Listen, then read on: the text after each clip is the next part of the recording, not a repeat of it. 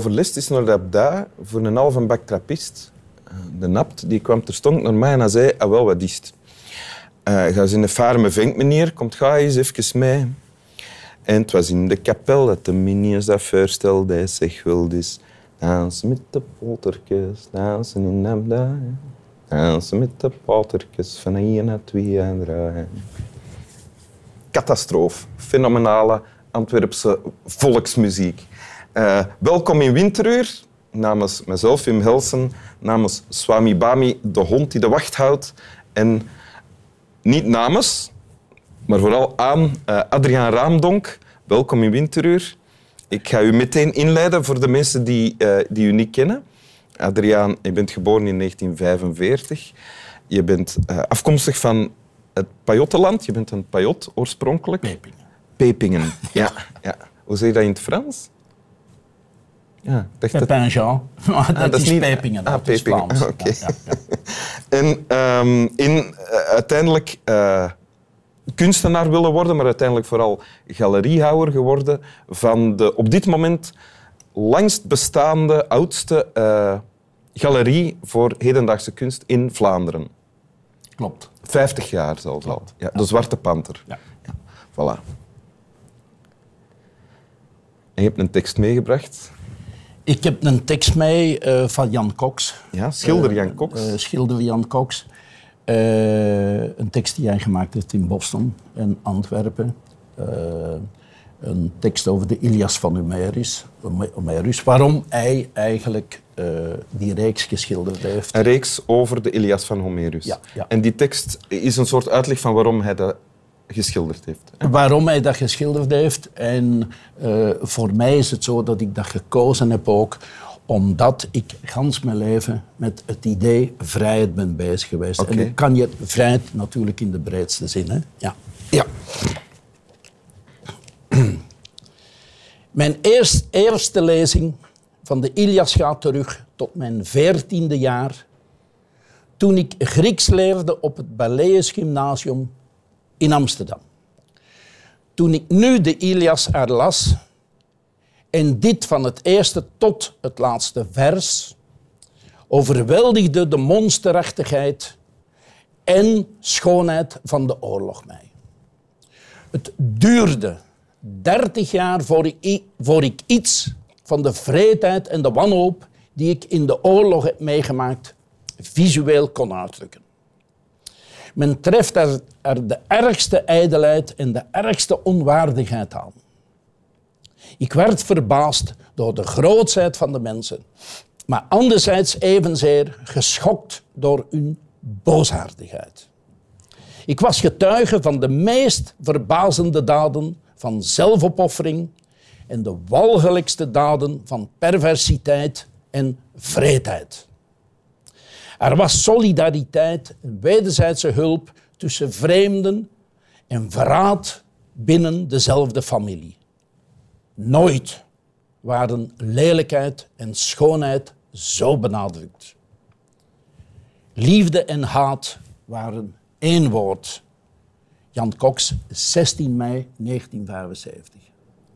1975, dat was 30 jaar nadat de oorlog was afgelopen. Toen, zegt hij in deze tekst, kon ik eindelijk iets schilderen over de oorlog, dankzij het herlezen van de Ilias. Klopt dat? Dat klopt. Ja, het is zo dat eigenlijk voor hem, eh, hij, heeft, eh, hij had het idee, als ik de Ilias eh, schilder, zal ik misschien van het idee oorlog en de gruwel, wat de mensen elkaar aandoen. We- Daarvan afgeraken of zo? Dat, Dat- hij dat- wou daar, het was ook een soort therapie bijna. Hè? Ah, ja, ja. Om te zeggen, voilà, ik, ik, misschien als ik mij dat afschilder, dat zoals, hè, dan gaat mij dat het leven misschien toch een beetje... Ga ik het, ja. Want Jan Cox had de oorlog en ook de periode voor de oorlog wel eh, actief meegemaakt. Hè? Ja, Ja. Eh, het is zo dat hij natuurlijk... eh, ik ken niemand zoals Jan Cox, die, laat ons zeggen, zo gaan zijn leven met goden en mythen gespeeld heeft of die elkaar gebracht. En eh, het is zo dat voor hem... ehm, eh, hij heeft die, die ganse, allez, hoe moet je noemen? Dus zijn vader heeft hem eigenlijk veel te jong meegenomen als kind naar Duitsland. Hè? Dus voor de Tweede Wereldoorlog. Jan heeft ook gezien hoe dat men daar... Ja, in de jaren dertig. Ja, hoe dat daar de Jood is doodgeslagen. En, enfin, zo van, ja, gewoon uh, de gruwel dus. En dat heeft hem nooit losgelaten. Dus, ja, ja, ja. En daarover uh, schildert hij 30 jaar later. En hij vertelt daar hierover dat er zowel... Uh, het mooiste in de mensen als het lelijkste in de mensen, dat het eigenlijk één ding is bijna in de oorlog. Hè. Dat blijkt dan uit zijn schilderijen. Waarom heb jij dit gekozen? Je zei daarnet dat dit gaat over vrijheid voor jou. Ja, uh, het is zo dat... Um, uh, ik ben, ik zeg al gans mijn leven toch met het idee bezig geweest, vrijheid. Uh, en ik denk dat vind je natuurlijk best uh, terug in de kunst, omdat dat, uh, dat bindt alles bij elkaar. En, uh, dat was iets dus, dat u als jong, jong mannetje al duidelijk was of zo? Of? Ja, dat was voor mij duidelijk in die zin dat ik als jonge man toch wel zocht naar... ja, hoe, hoe, kan je in deze maatschappij toch een beetje bevrijd zijn? Hoe kan je gewoon, uh, van als je geboren bent, is altijd dat moet, dat moet, dat moet, dat moet. En weinig wordt gezegd, dat mag. Enfin, voor mij was dat zo een, een um, ja... En, en, dan kom je op een gegeven moment... Heb je pepingen ervaren als, als iets beperkend uh, toen je jong was? Wou je daar weg? Uh, ja, natuurlijk, omdat uh, gedroomde natuurlijk in de landschappen ook wel weg. En dat was ook heel weinig. Het was ook het begin, ik heb het begin van de rock and roll meegemaakt, wat natuurlijk een heel, heel belangrijk, wat mij ook gedreven heeft om, om te gaan zoeken naar, uh, naar, laten we zeggen, het ware geloof. Ja, ja. Op manier van ja. ja. Maar dus vrijheid. Hè? En wat heeft dit te maken met vrijheid voor jou? Wel, omdat uh, Jan Cox uh, een van de weinige mensen is die ik ken die op, op, op een, op een ongelooflijke, humane, menselijke manier over die vrijheid gedacht heeft, geschilderd heeft. En die ook heel begrijpend. Bij hem gaat het niet over, ging het ook niet over van dat is de slechte of het is gewoon hoe komt het nu dat mensen, hoe komt het nu dat mensen dat elkaar aandoen? Hij zei op een gegeven moment ook, voilà, we, we leven nu 2000 jaar in christelijke beschaving en toch blijven we elkaar de kop Dus dat was heel die, die verwondering en die een vraag, hoe komt dat nu? Ja. Komt dat nu? Ja. En dat is de vrijheid van de kunstenaar. Van geen kant te kiezen, maar te blijven kijken en niet vast te zitten in een of ander... Maar ik denk dat de kunstenaar, de kunstenaar uh, staat ook buiten die politiek. Dat betekent, het is, een, het, het, is een, het is ook een vaststelling van wat mensen allemaal elkaar aandoen. Als je de Guernica van Picasso bekijkt, mm. ja, uh, dan zie je geen illustratie. Dus Jan Cox heeft ook geen illustratie gemaakt, maar gewoon het werd dieper op, op, op, het, op het gevoel in te gaan. En ik heb op een gegeven moment ook meegemaakt, ik ben in, in 1968, want dat was ook een van de dingen, 69, begin 9, afgeslagen onder kathedraal door de toenmalige VMO, Vlaamse militanten. Of de, ja. en, uh, toen afgeslagen, toen was de Zwarte Panter net uh, geopend. Ja, dus ja. was ik als jong manneke nog niet lang in Antwerpen en ik kende dat ook in VMO. En die hebben me s'nachts onder kathedraal in elkaar geschot. En uiteindelijk, wat, wat, wat was het? Uh, wat was heel de, de, de opzet? Diezelfde week stond in alle kranten leider van de Zwarte Panthers aangehouden in Amerika. Dat was dus de Black Panther Movement. En ik was Malcolm natuurlijk X, die was aangehouden. En omdat de galerie ook de Zwarte Panther ja, heet? Ja, ja, wat eigenlijk een bekend bordeel geweest was. Hè, want het was dan ja, dat had niks met de Black Panthers Dat absoluut. En ik had ook niks met politiek te maken, want ik was in Antwerpen. Ja, maar je bent wel ineengeklopt. Ik ben goed in elkaar getimmerd. En toen ben ik ook gaan denken, maar hoe kan dat nu gewoon visueel? Die mensen kennen mij niet, die weten eigenlijk niet wat ik doe. En men slaagt u gewoon in elkaar. Dus zonder enige vorm van proces of reden. Hè? Ja. Dus.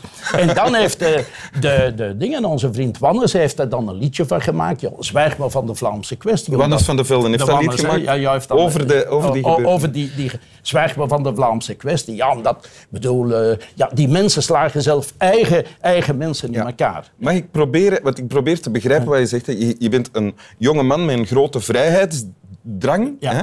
Uh, dus je komt naar de grote stad, naar Brussel en naar Antwerpen. En die vrijheidsdrang, dat vind je terug in de kunst ook. In, Ja. kun, in hoe kunstenaars naar uh, de wereld en zichzelf kijken en hoe ze dat dan transformeren in wat ze maken. Klopt dat? Dat klopt, ja. Ik bedoel, uh, als je nu eh, als je de, de, de, de van de oorlog, of als je de kathedralen, of, of als je in, in, in kunst, in schilderijen, in noem maar op, dat is het meest universele. Dat is ook het, het, het, dat is de complete vrijheid. Hè. Dus, maar het mag geen illustraties zijn. Dus, Dus een foto is iets anders dan een schilderij. Ja, foto is natuurlijk een, een vaststelling, hè. Ja. Is, is een vastlegging. Dat is, dat is iets anders. Maar ik heb het hier over. eh, hè, als Jan Cox de bloed wegen, dan is het inderdaad, dan beschrijft hij de goden zijn zo kwaad, ze laten het bloed wegen. Snap je? Heel dat ding, een bloed wegen. De rivier Scamander vol bloed. De lijken, de, de, de, de, ze, ze- de alen, ze, ze vreten alles op. op. De tijdere momenten, Priamos op weg naar het kamp van Rachaiers. De oude Priamos die gaat Het smijken om zijn, de, het lichaam van zijn dode zoon bij de vijand, om dat terug mogen naar hun kant te brengen. Ja, dat zijn de tijden. moment van menselijkheid. Ja, dat is menselijk. Lees de tekst nog eens. Alsjeblieft. Mijn eerste lezing van de Ilias gaat terug tot mijn veertiende jaar toen ik Grieks leerde op het Balleus Gymnasium in Amsterdam. Toen ik nu de Ilias herlas en dit van het eerste tot het laatste vers overweldigde de monsterachtigheid en schoonheid van de oorlog mij. Het duurde dertig jaar voor ik iets van de vreedheid en de wanhoop die ik in de oorlog heb meegemaakt, visueel kon uitdrukken. Men treft er de ergste ijdelheid en de ergste onwaardigheid aan. Ik werd verbaasd door de grootsheid van de mensen, maar anderzijds evenzeer geschokt door hun boosaardigheid. Ik was getuige van de meest verbazende daden van zelfopoffering en de walgelijke daden van perversiteit en vreedheid. Er was solidariteit en wederzijdse hulp tussen vreemden en verraad binnen dezelfde familie. Nooit waren lelijkheid en schoonheid zo benadrukt. Liefde en, en haat waren één woord. Jan Cox, 16 mei 1975. Merci. Dank. Slap wel. Ja.